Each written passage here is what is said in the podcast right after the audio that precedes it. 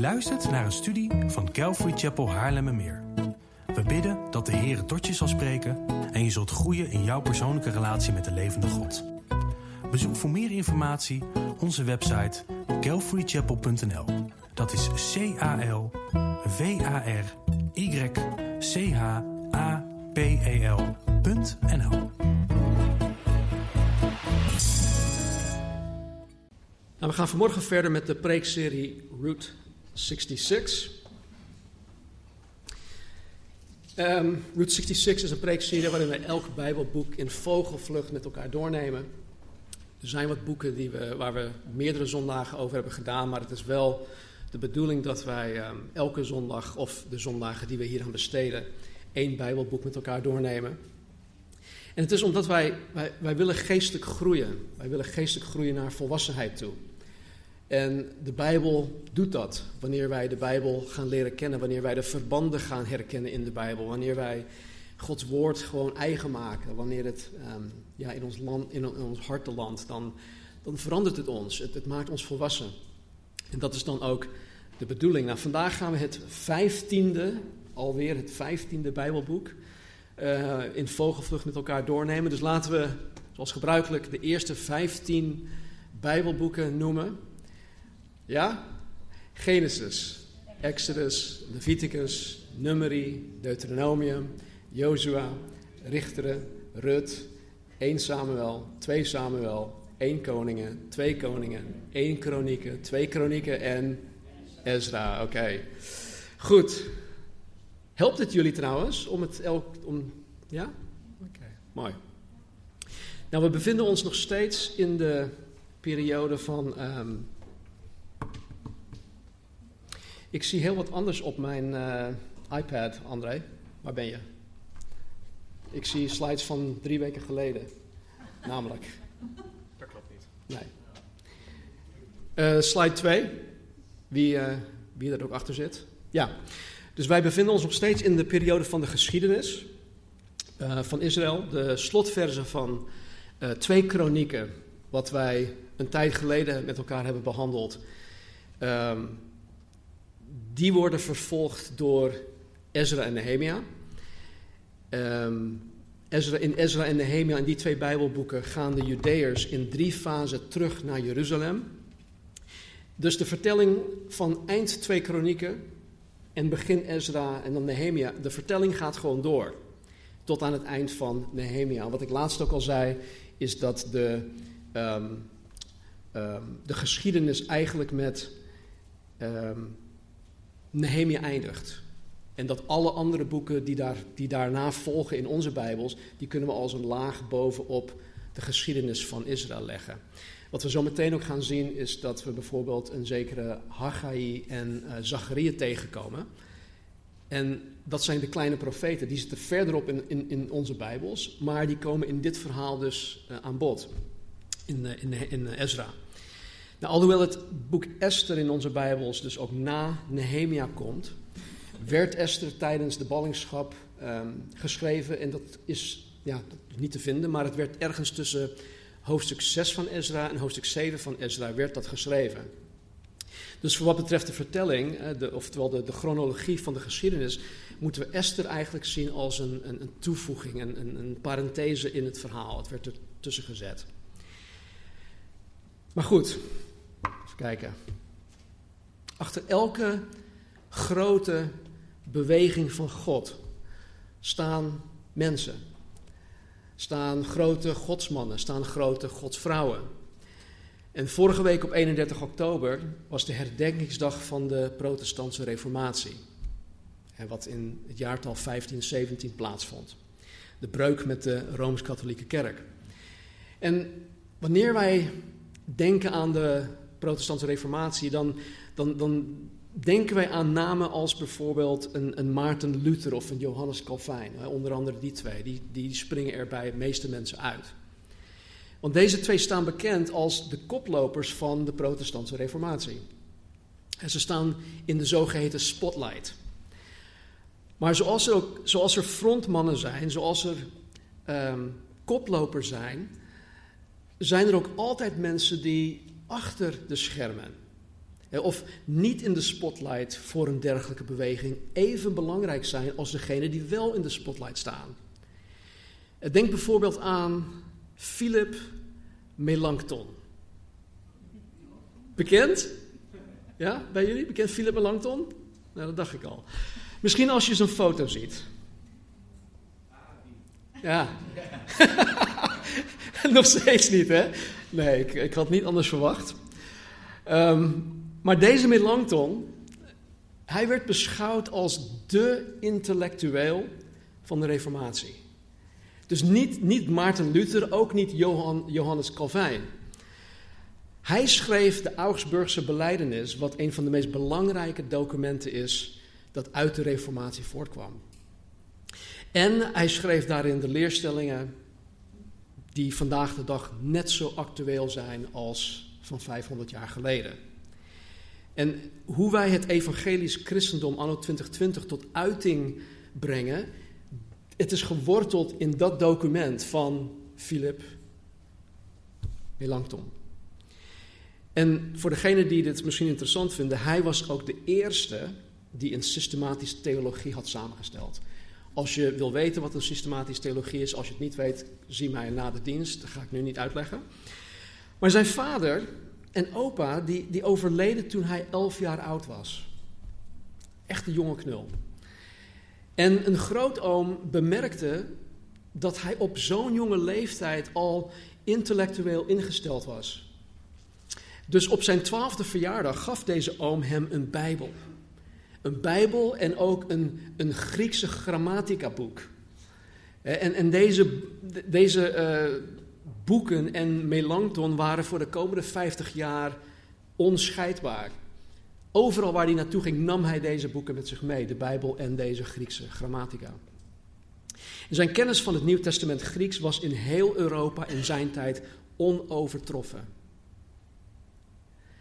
En op zijn twaalfde, luister, op zijn twaalfde, dat is echt bijzonder, behaalde hij zijn Bachelor of, Bachelor of Arts aan de Universiteit van Heidelberg. Op zijn zeventiende ontving hij een Master of Arts aan de Universiteit van Tübingen. En op zijn 21ste werd hij hoogleraar Griekse taal aan de Universiteit aan Wittenberg. Bijzonder iemand. En toch kennen we hem niet. Zijn roem en zijn reputatie gingen hem voor. Maar toen hij uiteindelijk in Wittenberg aankwam op uitnodiging van Maarten Luther, was men teleurgesteld. Mensen waren letterlijk teleurgesteld, want hij was een klein, van gestalte, kwetsbaar, onopvallend, stil, verlegen, timide mannetje. Hij stond met één, eh, met één schouder hoger dan de andere, Allah gebochelde, zeg je dat goed? Gebochelde van Notre Dame. En, dus hij, hij zag er eigenlijk niet uit, hij was niet indrukwekkend. Maar degene die hem leerde kennen merkte al gauw wat voor kaliber mens zij voor zich hadden. En wat hem kenmerkte, was dat hij een man van het woord was. Hij was een man van het woord. Hij daagde zijn vakgenoten continu uit om nauwkeurig en duidelijk te zijn in het uitleggen van de Bijbel. Hij hamerde erop om scherpzinnig te zijn om het zorgvuldig te verwoorden, om kritisch en onderscheidend te zijn, om er zeker van te zijn dat wat je zegt bijbels is. Hij bracht hen elke keer weer terug naar de Bijbel. Melanchthon werd uiteindelijk de raadsman en de rechterhand van Maarten Luther. En Melanchthon heeft Luthers theologie gevormd. En toch weten we niets van, van deze man af. Toch kennen we hem niet. Wie weet wat er van de Reformatie gekomen was zonder de invloed van deze Philip Melanchthon. Nou, nu ik me in Ezra heb verdiept, ben ik ervan overtuigd, of ik ben ervan overtuigd geworden, dat Ezra de Melanchthon van zijn tijd was. Een tijd waarin de Joden het meest kwetsbaar waren. Waarom? Omdat zij eigenlijk niets meer van de Bijbel afwisten. Het door God gekozen volk wist niets van hun Bijbel af. En daarom heeft God Ezra aan de Judeërs, de terugkerende Judeërs, gegeven. Nou, wanneer men aan de grote personages van het Oude Testament denkt, hè, dan wordt al gauw gedacht aan een Mozes of een Abraham of een koning David of Salomo, misschien zelfs Nehemia. Maar het zal me niet verbazen als de meesten van jullie Ezra nog nooit eerder bestudeerd hebben. Want zo gaat dat nou eenmaal, helaas. En zoals Melanchthon was Ezra een man van het woord. Er wordt gezegd dat hij verantwoordelijk is geweest voor het samenstellen van de kanon van het Oude Testament. De 39 boeken. We weten dit niet zeker, maar er wordt zelfs gedacht dat Ezra Psalm 119 geschreven heeft als zijn eigen getuigenis over het woord van God. En we zullen zien dat Ezra een grote liefde had voor het woord van God, de Bijbel. Nou, om dat echt te kunnen waarderen, moeten wij de tijd en de omstandigheden waarin hij leefde een beetje gaan begrijpen.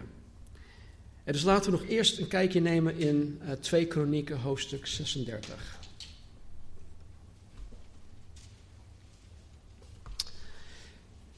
2 Kronieken 36, vers 14 tot en met 16. Verder pleegden alle leiders van de priesters en het volk op grote schaal trouwbreuk, overeenkomstig alle gruweldaden van de heidenvolken. Zij verontreinigden het huis van de Heere, dat Hij, God, geheiligd had in Jeruzalem. De Heere, de God van, van hun vaderen, zond hun vroeg en laat waarschuwende woorden door de hand van zijn boden. Want hij, God, wilde zijn volk en zijn woning sparen. Maar zij spotten met de bode van God, verachten zijn woorden en maakten zijn profeten belachelijk, tot de grimmigheid van de Heer tegen zijn volk zo hoog opsteeg dat er geen genezing meer mogelijk was. Israël in dit geval Juda, of nee, sorry, Israël, geheel Israël, bereikte haar hoogtepunt onder leiding van koning Salomo. Er was vrede met al, hun buur, al haar buurlanden. De wereld keek tegen Israël op. Er was een mate van rijkdom en welvaart dat daarna nooit meer geëvenaard was. Maar omdat Salomo zich niet aan de Gods voorschriften hield, ging het vanaf het einde van zijn bewind alleen maar bergafwaarts. Aan het einde van zijn bewind was echt het einde van de gloriedagen. En tot op dat moment was Israël, verenigd. Maar na het overlijden van Salomo werd Israël uiteengescheurd in twee delen: het Noordelijk Rijk en het Zuidelijk Rijk. Nou, het Noordelijk Rijk was alleen maar slecht waardoor God de Assyriërs had gebruikt in 722 voor Christus om hen te straffen, om hen gevangen te nemen door de Assyriërs. En het Zuidelijk Rijk, nou, die, die, hadden, die had wel wat periodes dat het geestelijk goed ging. Die hadden ongeveer vijf goede koningen. Maar ook zij hadden de God van Israël de rug toegekeerd, uiteindelijk. En in 605 voor Christus begon God ehm, uh, Babylon te gebruiken om Israël, om Juda in dit geval te gaan straffen. En wat hier in twee kronieken staat, is dat God middels zijn profeten, zijn boden, wat hier staat, telkens weer tot het volk sprak. Maar ze hadden hun harten tegen God verhard. En hun gewetens waren dichtgeschroeid, waardoor zij niet meer te redden waren. Er staat, er was geen genezing meer mogelijk. God heeft het hier over geestelijke genezing. Ze waren niet meer te redden. Jezus zei precies hetzelfde over de schriftgeleerden en de fariseeën. Dat zij zo ver waren, afge, af, ehm, verwijderd waren van de waarheid, dat zij niet meer te redden waren. Zij konden niet meer geloven, zei Jezus. En de straf waar God hen eeuwenlang voor heeft gewaarschuwd, kwam op dit moment aan het einde van twee kronieken tot vervulling. Um, laten we lezen. Is dat vers 17? Ja?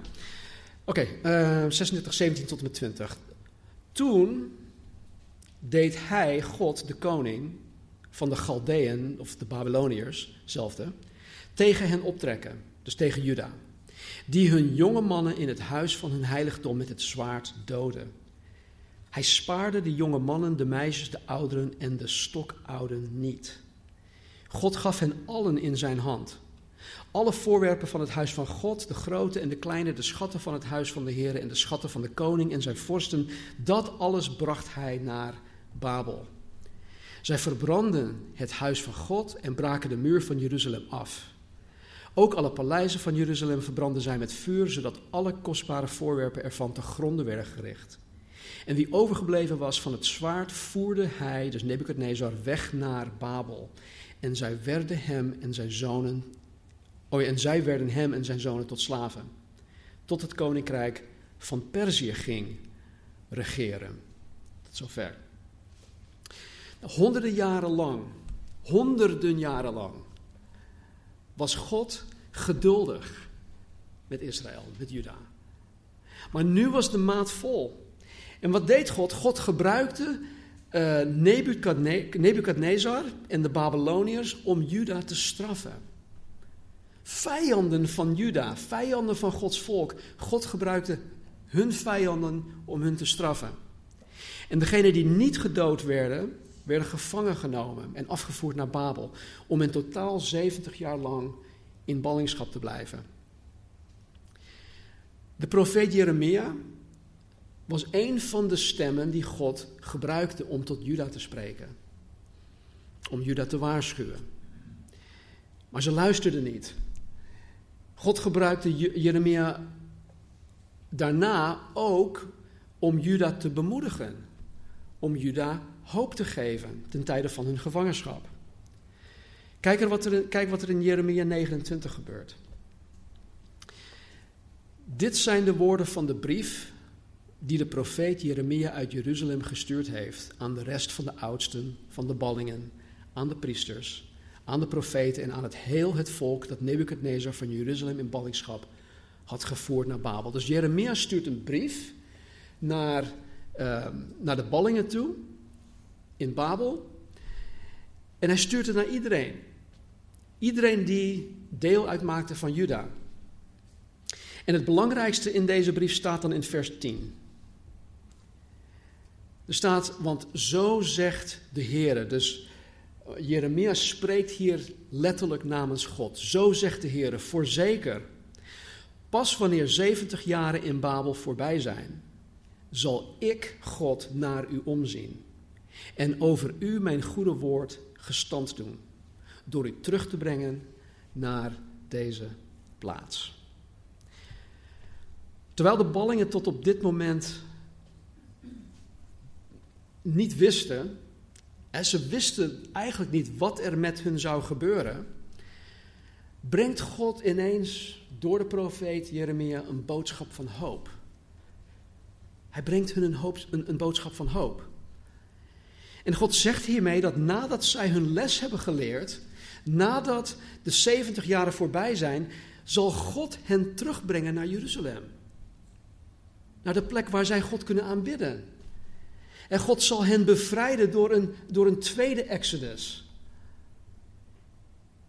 Net zoals God de vaderen door de exodus uit Egypte had bevrijd, gaat God hun voor een tweede keer. En dat waren waarschijnlijk drie exodussen, want ze waren in drie fasen waren ze teruggekeerd.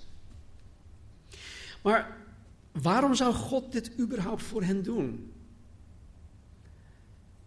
Weet je, God was honderden jaren lang geduldig met zijn kinderen. De maat was vol. Hij straft hun. En nu denkt hij van, oké, nu ga ik toch, ik ga jullie toch terugbrengen. Waarom doet hij dat? Nou, dat staat even verderop in Jeremia. Jeremia 29, 11 tot en met 13. Ik weet zeker dat jullie uh, één, of, ja, één vers hier tussenin um, kennen. God zegt, ik immers, ik ken de gedachten die ik over u koester, spreekt de Heer. Het zijn gedachten van vrede en niet van kwaad, namelijk om u toekomst en hoop te geven. Dan zult u mij aanroepen en heen gaan. U zult tot mij bidden en ik zal naar u luisteren. U zult mij zoeken en vinden wanneer u naar mij zult vragen met heel uw hart. Ik zal door u gevonden worden, spreekt de Heer. Ik zal een omkeer brengen in uw gevangenschap en u bijeenbrengen uit alle volken en uit alle plaatsen waarheen ik u verdreven heb, spreekt de Heer. En ik zal u terugbrengen naar de plaats van waar ik u in ballingschap heb gevoerd. God zegt hier tegen hen dat wanneer zij God met heel hun hart zoeken, wanneer God kennen hun hoogste prioriteit is, wanneer God najagen en aan Hem gelijk te willen zijn hun grootste passie is, dan zal God zich laten vinden. En dan zal God hen naar het beloofde land terugbrengen, omdat God zich aan zijn woord houdt. God heeft het beloofd. En dit zien wij dus nu in Ezra, in het Bijbelboek Ezra, verwezenlijk worden. Juda was afvallig geworden. Maar weet je, zodra iemand God zoekt met heel zijn of haar hart, zodra iemand berouw toont en zich bekeert, is, is, is er bij God altijd een weg terug. Altijd. Het is nooit te laat om bij God terug te keren. En ook voor jou, als jij nu afvallig bent, zolang je adem in je longen hebt, is er bij God een weg terug. Iemand had ooit gezegd dat afvallig zijn uh, niet per se betekent dat je je rug geheel tot God uh, toegekeerd hebt. Maar als je in je geestelijk leven geen vooruitgang boekt, als je Gods heiligingsproces in de weg staat, als je stagneert in je geestelijke groei en in je kennis van God, dan ben je eigenlijk al afvallig. Voor wat betreft geestelijke groei is het niet mogelijk om stil te staan, om stil te blijven staan. Of je gaat vooruit in je geestelijke groei, of je gaat achteruit. Of je leert God beter kennen, of je gaat vergeten wie God is. Of je gaat Jezus steeds meer gehoorzamen, of je wordt steeds lakser in het doen van wat God van jou vraagt. Het zal allemaal wel. Terwijl de Babylonische koningen regeerden, was er totaal geen hoop voor Juda om terug te keren. Even kijken. Hmm.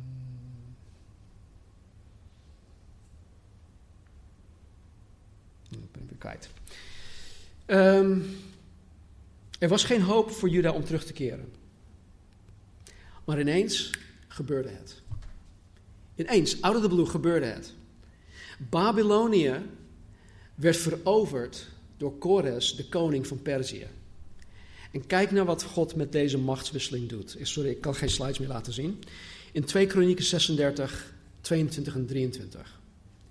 In het eerste jaar nu van Kores, de koning van Perzië, wekte de Heere de geest van Kores op, de koning van Perzië, opdat het woord van de Heere dat hij bij monden van Jeremia gesproken had, vervuld zou worden, om door zijn, om door zijn hele koninkrijk een boodschap te laten gaan, ook in geschriften. En dan staat er dit. Zo zegt Kores, de koning van Perzië. Alle koninkrijken van de aarde heeft de Heere, de God van de hemel, aan mij gegeven. Dit zegt een heidense koning, niet, niet eens een Joodse koning. Alle koninkrijken van de aarde heeft de Heer, de God van hemel en aarde, aan mij gegeven. En Hij is het die mij heeft opgedragen om een huis voor Hem te bouwen in Jeruzalem dat in Juda ligt. Wie er onder u ook maar tot, wie er onder u ook maar tot al zijn volk behoort, de Heere zijn God, zijn met Hem en laat Hij optrekken. Nou, dit is een geweldige verordening van koning Kores. Dit was echt gigantisch groot, oké? Onderschat dit niet. Dit was voor Juda wat bevrijdingsdag voor Nederland was toen Nederland bevrijd werd door de Duitse, uh, voor de Duitse bezetting, van de Duitse bezetting. En, het einde van de Tweede Wereldoorlog. En dit is dan hoe twee kronieken eindigt. En dit is hoe twee, of, uh, Ezra begint. Maar goed, de, de terugkeer van de Judeërs. Het was niet dat ze alle minuut in één keer allemaal opstonden. Nee, er moest iets gebeuren. Maar de Judeërs die keerden terug in, in, in drie verschillende fasen. Ik hoop dat deze te zien zal zijn. Ja. De eerste terugkeer werd geleid door een zekere Zerubabel. Waarmee zo'n kleine 50.000 mensen terugkeerden. En onder zijn leiding werd de tempel herbouwd. Dat zien wij in Ezra hoofdstuk 1 tot en met 6. De tweede terugkeer, wat 80 jaar na de terugkeer van de eerste groep plaatsvond, werd geleid door Ezra zelf. En onder zijn leiding werd de aanbidding van God hersteld. De mensen werden opnieuw toegewijd aan God. En de derde terugkeer, wat wij vandaag niet zullen zien of zullen behandelen, wat twaalf jaar na de terugkeer van de tweede groep plaatsvond, werd geleid door Nehemia. En onder zijn leiding werd de stadsmuur gebouwd of herbouwd. En ja, wat ik wel frappant vind of opmerkelijk vind, is dat ondanks dat het boek naar Ezra genoemd is, gaan de eerste zes hoofdstukken niet eens om Ezra. Eh, ze gaan om, een om, gaan om deze Zerubabel. Pas in hoofdstuk 7 komt Ezra zelf op het toneel. Maar in de eerste vier versen van hoofdstuk 1 van Ezra, hoofdstuk 1, ja, vanaf vers 1 tot met 4, zien we hetzelfde als wat wij aan het einde van twee kronieken gelezen hebben. Namelijk dat God de geest van koning, koning opwekte om Juda vrij te laten, hen terug te laten keren naar Jeruzalem.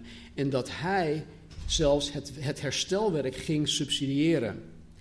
En in vers 5 begint de organisatie van de terugkeer en kijk hoe dat tot stand komt.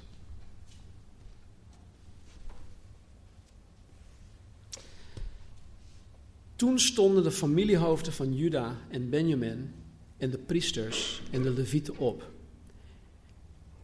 Allen bij wie God de geest had opgewekt om op te trekken om het huis van de Here te bouwen die in Jeruzalem woont. Deze Judeërs waren na 70 jaar in Babel, denk ik, staat er in buitenwijlse boeken, die waren gewoon gesetteld. En ze hoefden niet per se weg. Zij hadden hun leven daar. 70 jaar lang is een hele lange tijd. Een hele generatie, twee nieuwe generaties zijn daar geboren. En weinigen van hen wisten überhaupt nog iets van Jeruzalem af. Dus waarom zouden zij een vier maanden lang durende reis van ruim 1400 kilometer gaan maken om terug naar Jeruzalem toe te gaan? Waarom? Uiteindelijk is er slechts een heel klein overblijfsel teruggegaan. Zo'n 50.000 mensen, 49, 8, 97, zoiets. In deze eerste fase met Zerubabel teruggegaan. En de Joden die God wilden dienen, die werden innerlijk, innerlijk gedreven om de tempel te gaan herbouwen. God bewoog hun, God beroerde hun geest. Hij wekte hun geest in hen op. Hij riep hen. En wat wilden zij? Zij wilden God dienen. Zij wilden aan God offeren. Zij wilden door hun offers wederom met God contact krijgen. Zij wilden de aanwezigheid van God bij zich hebben. En daarom moesten zij per se terug. Ze moesten niet, niemand had het hun opgelegd, maar er was iets in hun waarvan ze zeiden: Ik moet terug. Ik moet terug om de tempel te bouwen. In hoofdstuk 2 werd een volkstelling gedaan waaruit blijkt dat er zo'n 50.000 mensen waren die die reis hadden gemaakt. In hoofdstuk 3 werd eerst, eerst het altaar gebouwd. zodat zij aan God konden offeren. Ze wisten dat zij eerst af moesten rekenen met hun zonden voordat ze God konden dienen. En daarna werd onder leiding van Zerubabel en een zekere Jezua de fundering van de tempel gelegd. En dan staat er dit in hoofdstuk 3. Um, ehm, ik kan het niet zien, ik kan niet lezen. Is dat hem? Staat daar 3? Ja. Zij zongen, dus nadat de fundering klaar was, zij zongen in beurtzang bij het prijzen en bij het danken van de Heer dat Hij goed is dat zijn goede tierenheid over Israël tot een eeuwigheid is. Heel het volk hief een groot Gejuich aan bij het prijzen van de Heer, omdat de fundering voor het huis van de Heer gelegd was. Maar velen van de priesters en de levieten en de familiehoofden, namelijk de ouderen, die het eerste huis op zijn fundering gezien hadden, huilden met luide stem toen zij dit huis voor hun ogen zagen, terwijl vele anderen met gejuich en met blijdschap hun stem verhieven. Degene die, die om zich heen keken en naar wat God op dat moment aan het doen was, en die dan ook tegelijk vooruitkeken naar wat God voor hen in petto had, die waren hartstikke blij. Die zongen uit volle borst mee. Die, die, die, die juichten omdat de fundering voor het huis van de Heer gelegd was. Ze waren vreugdevol en hoopvol. Waarom? Omdat zij God op dat moment aan het werk zagen. Zij hadden oog voor wat God aan het doen was. En zij, zij zagen, of zij keken ook vooruit. Maar de ouderen, de ouderen die met weemoed terugkeken. De ouderen die met weemoed terugkeken naar de eerste tempel. De tempel van Salomo. Die mensen huilden met luide stem. Deze mensen bleven steken in het verleden. Ze bleven steken in het verleden en in de goede oude tijd. En vandaag de dag gebeurt dat nog steeds. Er zijn mensen die in het verleden blijven steken omdat God toen hele gave dingen in hun leven heeft gedaan. En in plaats van dat zij hun ogen nu openen om te zien wat God nu in het heden allemaal aan het doen is, of wat God voor hen in petto heeft, blijven zij zich blind staren op die goede oude tijd en missen nu de heerlijkheid van God. Wat een gemis. Wat een gemis.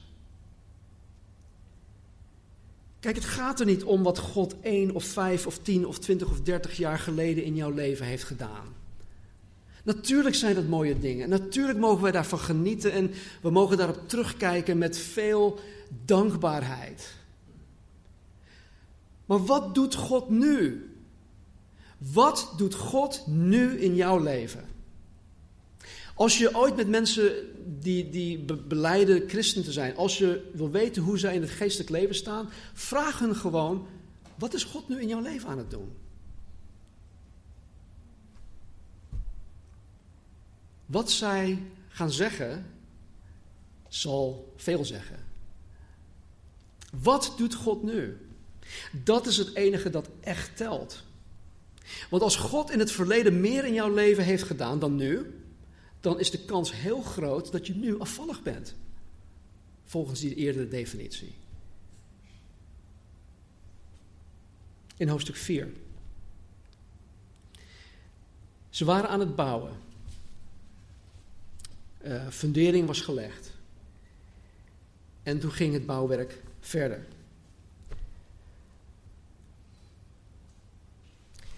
Ezra hoofdstuk 4, vers 1 tot en met 3. Toen de tegenstanders van Juda en Benjamin, dus de stam Juda, hadden gehoord dat de ballingen een tempel bouwden voor de Heere, de God van Israël, kwamen zij naar Zerubabel toe en naar de familiehoofden en zeiden tegen hen: Laten we samen met u bouwen, want zoals u zoeken ook wij uw God. En aan hem offeren wij sinds de dagen van Esar Haddon, de koning van Assyrië, die ons hierheen heeft laten trekken. Maar Zerubabel en Jezua en de overige familiehoofd van Israël zeiden tegen hen: Het is niet aan u en aan ons om samen een huis voor onze God te bouwen, want wij alleen zullen het bouwen voor de Heere, de God van Israël.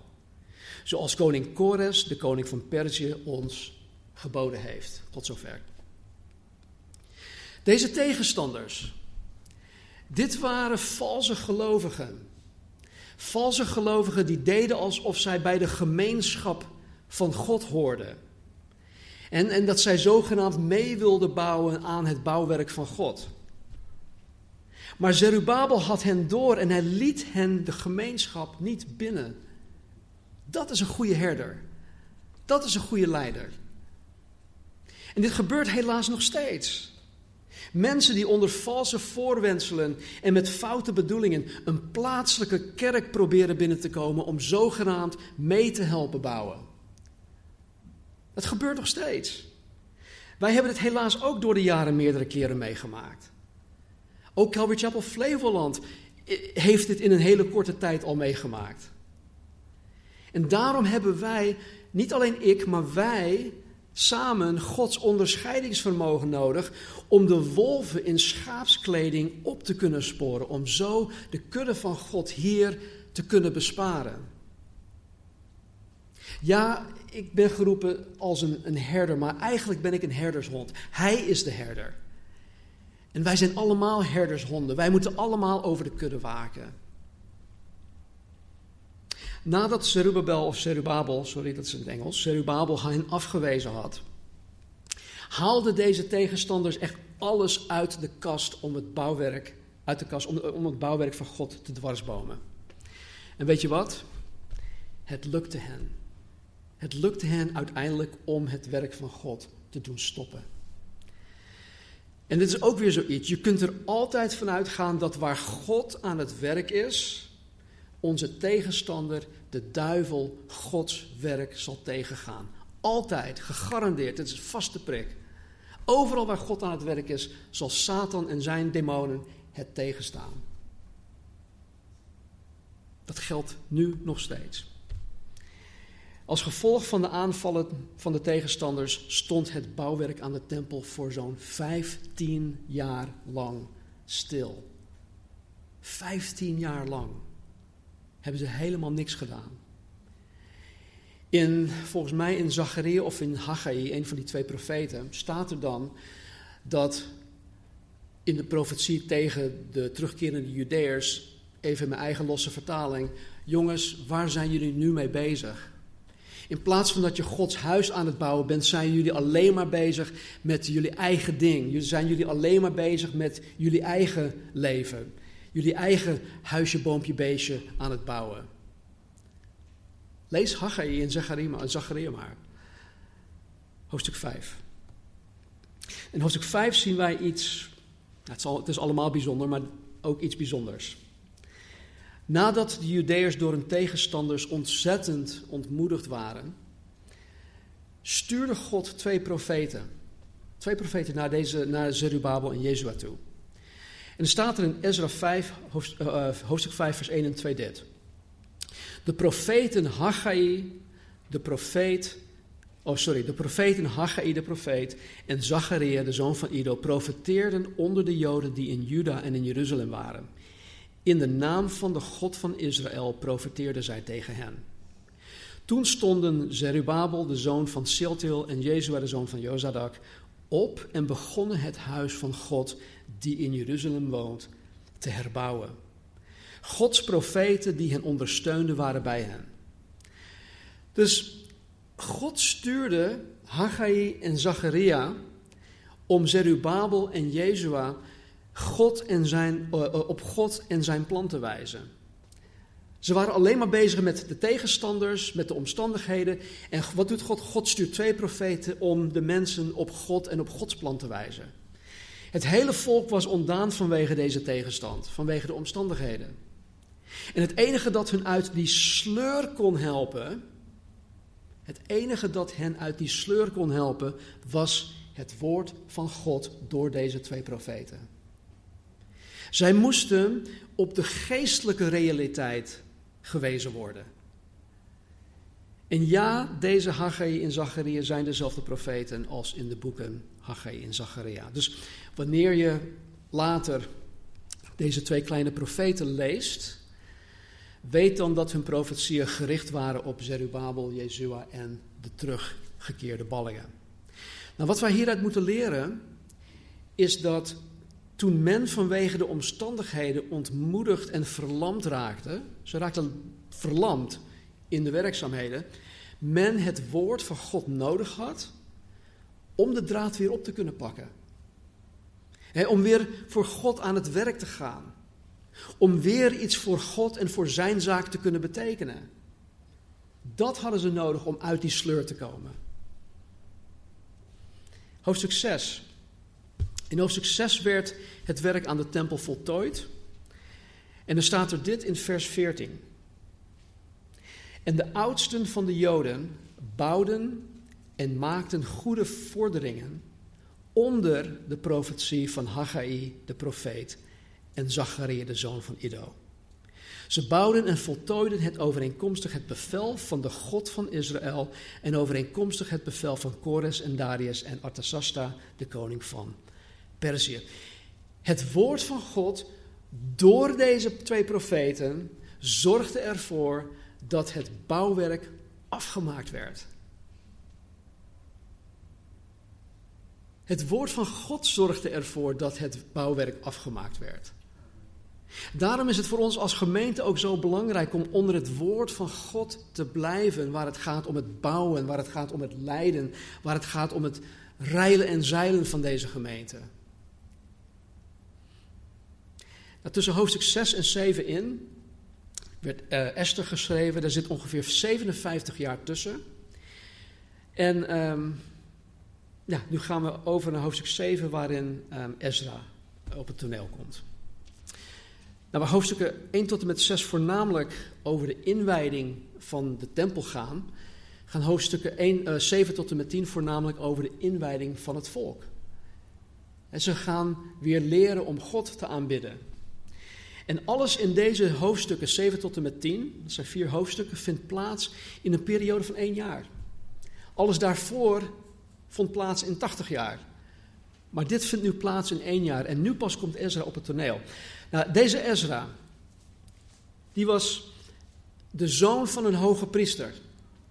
Zelf was hij ook priester. Hij was een schriftgeleerde.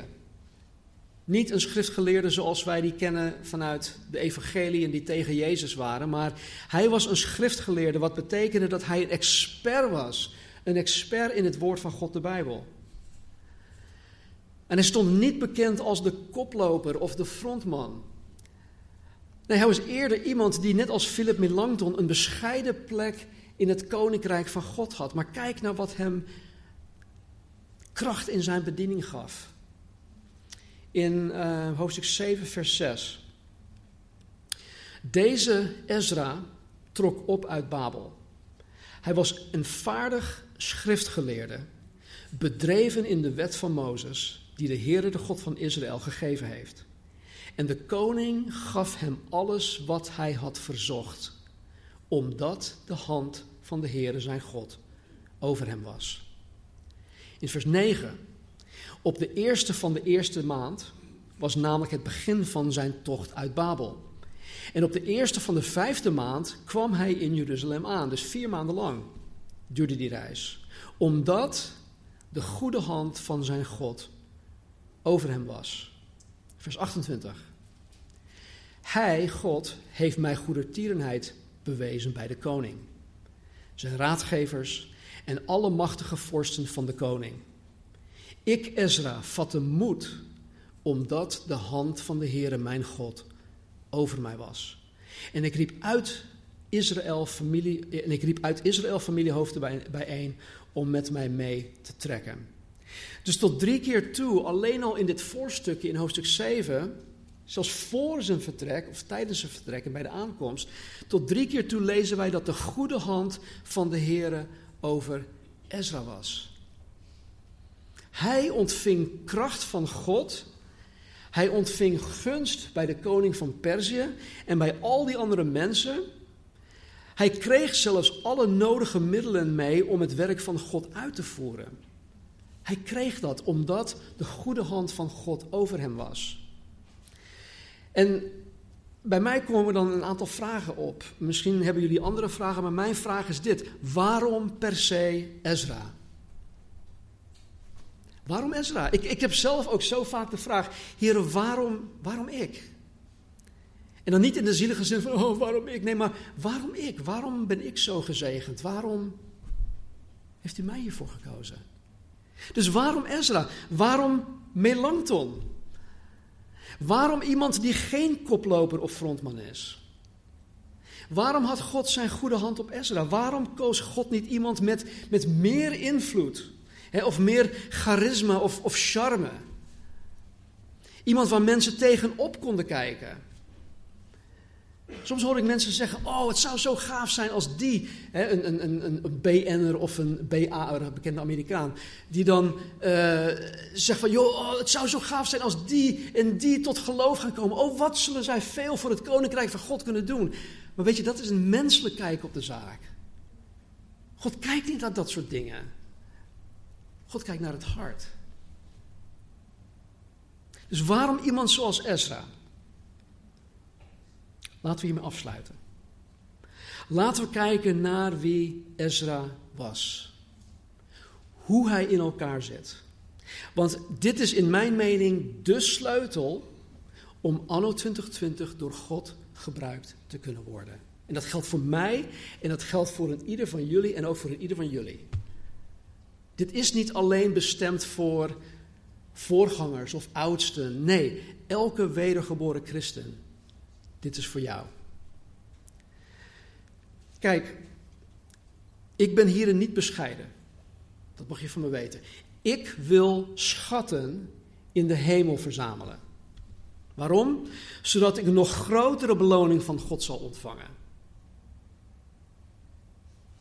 Ik, ik ben bereid om me hier op aarde te verloochenen, om te, te, te sterven aan mezelf, om mijn kruis op te nemen. Ik ben bereid om heel veel dingen te laten. Waarom? Omdat ik weet dat ik een glorieuze toekomst, toekomst heb. En wat ik met die toekomst doe, dat bepaal ik hier en nu.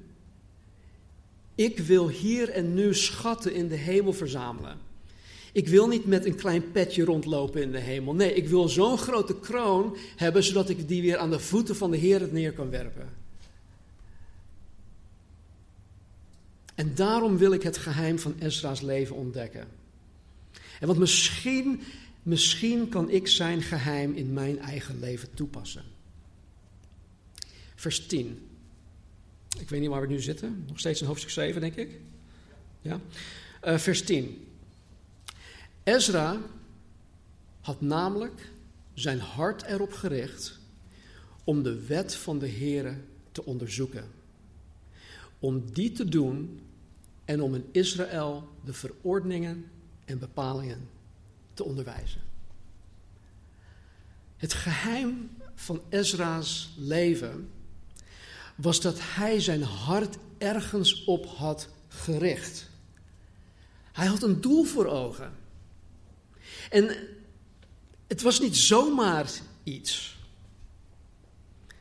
En, en om je hart ergens op gericht te hebben, betekent dat datgene waarop uh, hij in dit geval zijn hart had gericht, dat kreeg de hoogste prioriteit in zijn leven.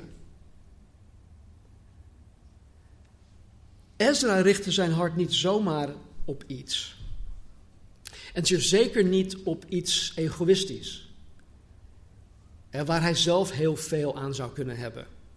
Zijn grootste hartstocht, zijn grootste passie van zijn leven waren, waren drie dingen. Je hebt net gelezen. Drie dingen die in het leven van een trouwe dienstknecht van de Heer onlosmakelijk aan elkaar verbonden zijn. Ten eerste dit. Ten eerste richtte hij zijn hart op het onderzoeken van de wet van de Heer. Dit betekent dat Ezra zich ertoe aanzette om het woord van God ten eerste te gaan lezen, maar niet alleen dat, om het te gaan bestuderen. En in het Hebreeuws betekent het studeren het, zelfs dat je het herhaaldelijk leest. Gewoon meerdere malen. Maar die zegt af en toe van ja, ik ben niet zoals jij Stan, ik moet dingen gewoon meerdere malen lezen. Nou weet je wat? Als je weet hoeveel ik, of hoe vaak en hoeveel ik dingen moet herhalen om iets te kunnen snappen, dan, dan zou je dat niet zeggen. Ik heb ook niet zoveel computerkracht hier tussen mijn oren zetten. als als, als, als Casper een, een, een, een, ja, een chip heeft, wat is dat tegenwoordig? Uh, i7 of een i9 heeft, dan zit ik nog uh, ja, te klooien met een eh, Pentium 4 of zo. Dus ik, ik heb niet heel veel hierboven. Dus ook ik moet het herhaaldelijk gaan lezen. Ik moet ook heel veel doen om het uh, te gaan bestuderen. Maar Ezra had ergens in zijn leven de bewuste keus gemaakt om een serieuze student van het woord van God te zijn. En daarom werd hij ook een schriftgeleerde, wat in zijn tijd betekende dat hij een expert was in het woord van God. Men wist dat wanneer zij naar Ezra toe gingen om advies, dat ze altijd een Bijbels antwoord zouden krijgen. Altijd. Alles draaide bij Ezra om de Bijbel. En als je het voorrecht had, als je het voorrecht had om onder zijn bediening te mogen zitten, dan had je de volledige zekerheid dat Ezra zich strikt aan het woord van God hield, zonder enige eigen interpretatie, zonder enige eigen mening. En vandaag zelfs in het evangelisch christendom horen, ja, maar zo interpreteer jij dat. Ja, maar zo interpreteer jij dat. Maar hallo, de hermeneutiek leert ons dat, er slechts, dat God slechts één betekenis heeft of één bedoeling heeft met wat hij zegt. Als ik tegen me, toen mijn kinderen nog jong waren, ik zeg klein, maar ze zijn nog steeds klein, maar toen mijn kinderen jong waren, zei ik tegen hun: als, uh, Wil je alsjeblieft naar mijn kantoor toe gaan om die en die Bijbel voor me te halen? Daar heb ik één bedoeling mee. Eén bedoeling bij. Dan moeten ze niet gaan denken van, oh, misschien bedoelt pa deze. Oh, nou, ik interpreteer dat toch weer anders. Nee. God had iets voor ogen toen hij sprak. Dus Ezra, die, die, ze wisten zeker dat hij geen eigen interpretatie of mening gaf aan de Heilige Schrift. Hij was een, ik weet niet eens of dit een Nederlands woord is, maar hij was een biblicist. Een biblicist per sang. Zonder, hij, hij, was, hij leefde sola scriptura. En weet je, wat heeft de kerk van Jezus Christus anno 2020 Ezra's nodig? Dat betekent niet dat, jullie allemaal voorgangers of bijbelleraren moeten worden, maar wel studenten van het woord van God. Sommigen van jullie, jong of oud, hebben het verlangen om een Ezra te zijn. En dit verlangen komt bij God vandaan. In Psalm 37, 4 staat. Um,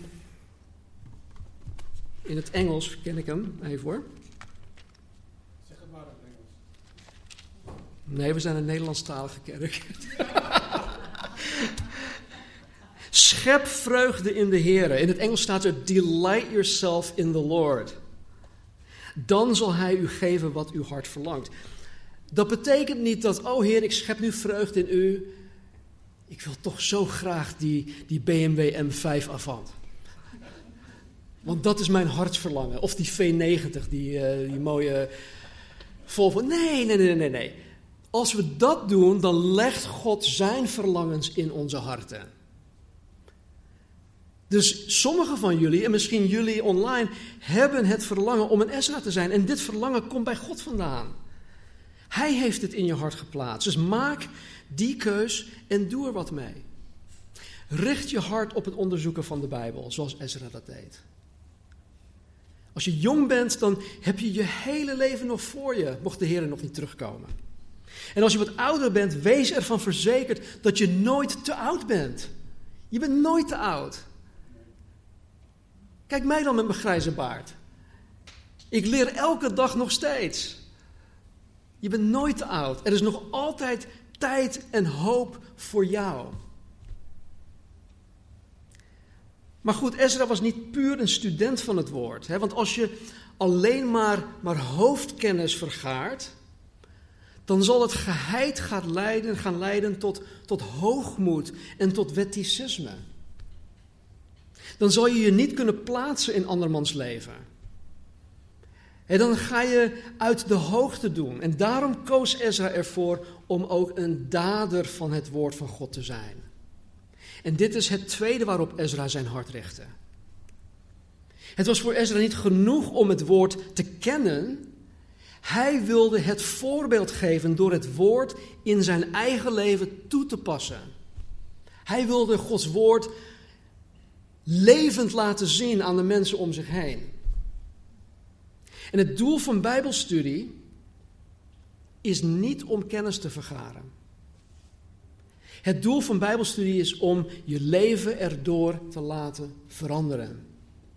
De Bijbel werd ons gegeven om een positief impact te hebben op onze thuissituaties, in ons gezinsleven, in onze huwelijken, op, uh, op onze relaties, op ons werk, op hoe wij zaken doen. Het uiteindelijke doel van Bijbelstudie is om veranderd te worden naar het evenbeeld van Jezus Christus. En daarom, ik snap niet dat beleidende christenen hun Bijbels niet lezen.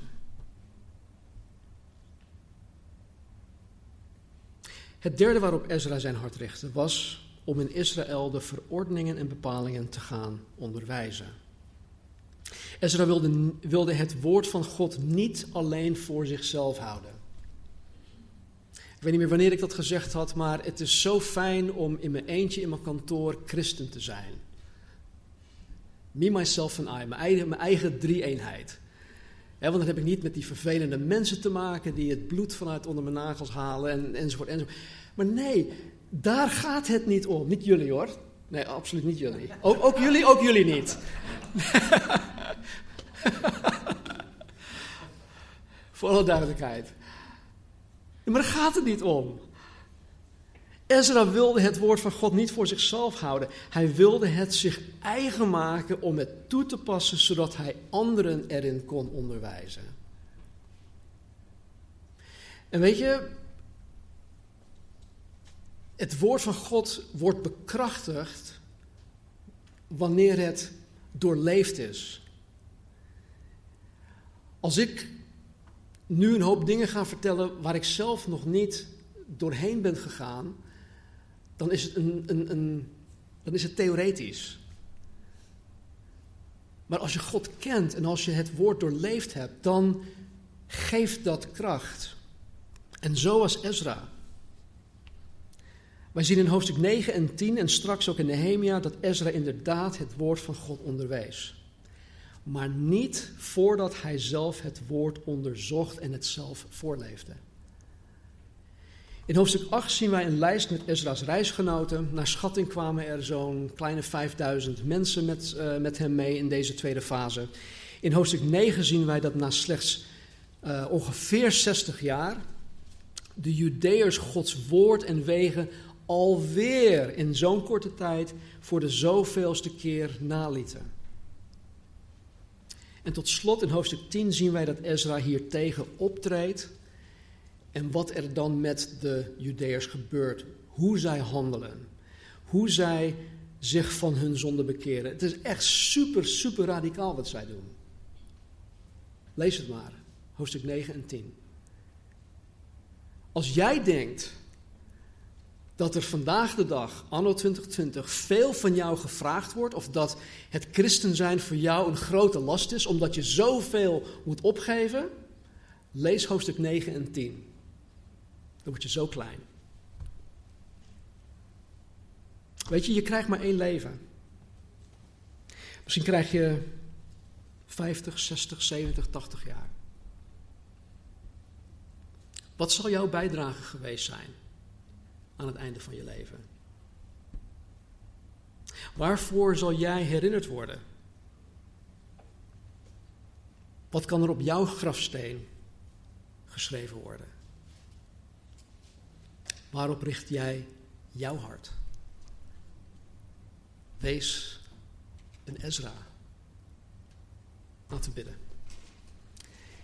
Hemelse Vader, dank u wel dat u ons het Bijbelboek Ezra hebt gegeven.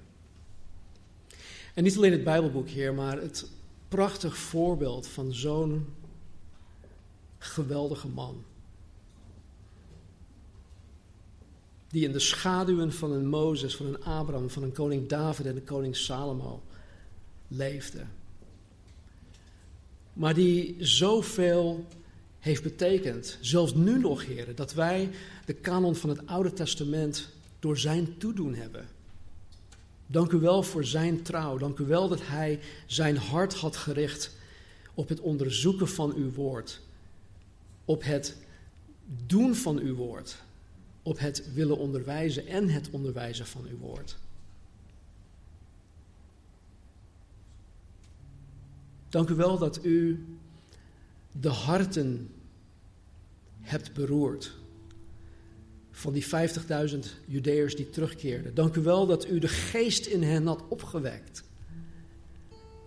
En dat u het verlangen in hun harten hebt gelegd om terug te willen gaan naar wat voor hun een vreemd land was, voor velen van hun. Heren, om in uw nabijheid te zijn. Om aan u te kunnen offeren. Om u te kunnen dienen. Vader, ik bid dat u en in ieder van ons, ook degene die live meekijken of die het straks naluisteren of bekijken, heren, beweeg in ons. Beroer onze harten.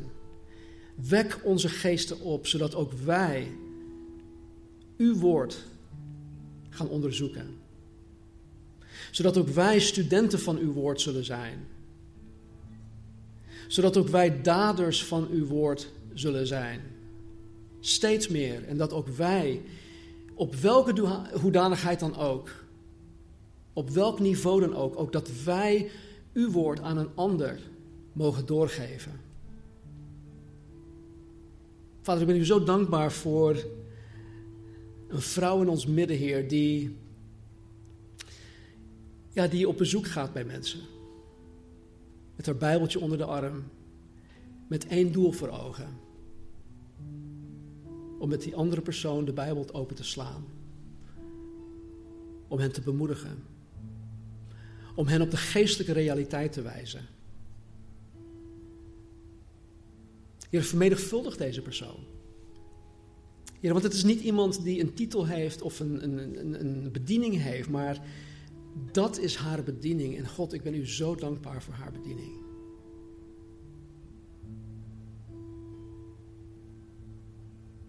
Heer, vergeef ons waar wij dit allemaal nagelaten hebben. Misschien bewust, misschien ook onbewust, misschien wisten we het gewoon niet. Misschien omdat we gewoon geen zin hadden. Help ons, Heer. Vergeef ons en help ons om ons vandaag hiervan te bekeren. Schenk ons bekering zodat we u, Jezus, van heel dichtbij zullen gaan navolgen en blijven navolgen. Help ons u niet uit het oog te verliezen. Laat ons zo dicht bij u blijven. Dat vragen we in Jezus' naam. Amen. We gaan nog eh, afsluiten met een paar liederen. Maar ik wil nog één ding vanuit de Bijbel meegeven. En dat is in uh, eh, 2 Timotheus, hoofdstuk 3, vers 16 en 17. Daar staat: Heel de schrift, heel de schrift is door God ingegeven en is nuttig om daarmee te onderwijzen, te weerleggen, te verbeteren en op te voeden in de rechtvaardigheid. Opdat de mens die God toebehoort volgroeid of volmaakt zou zijn. Tot elk goed werk volkomen toegerust.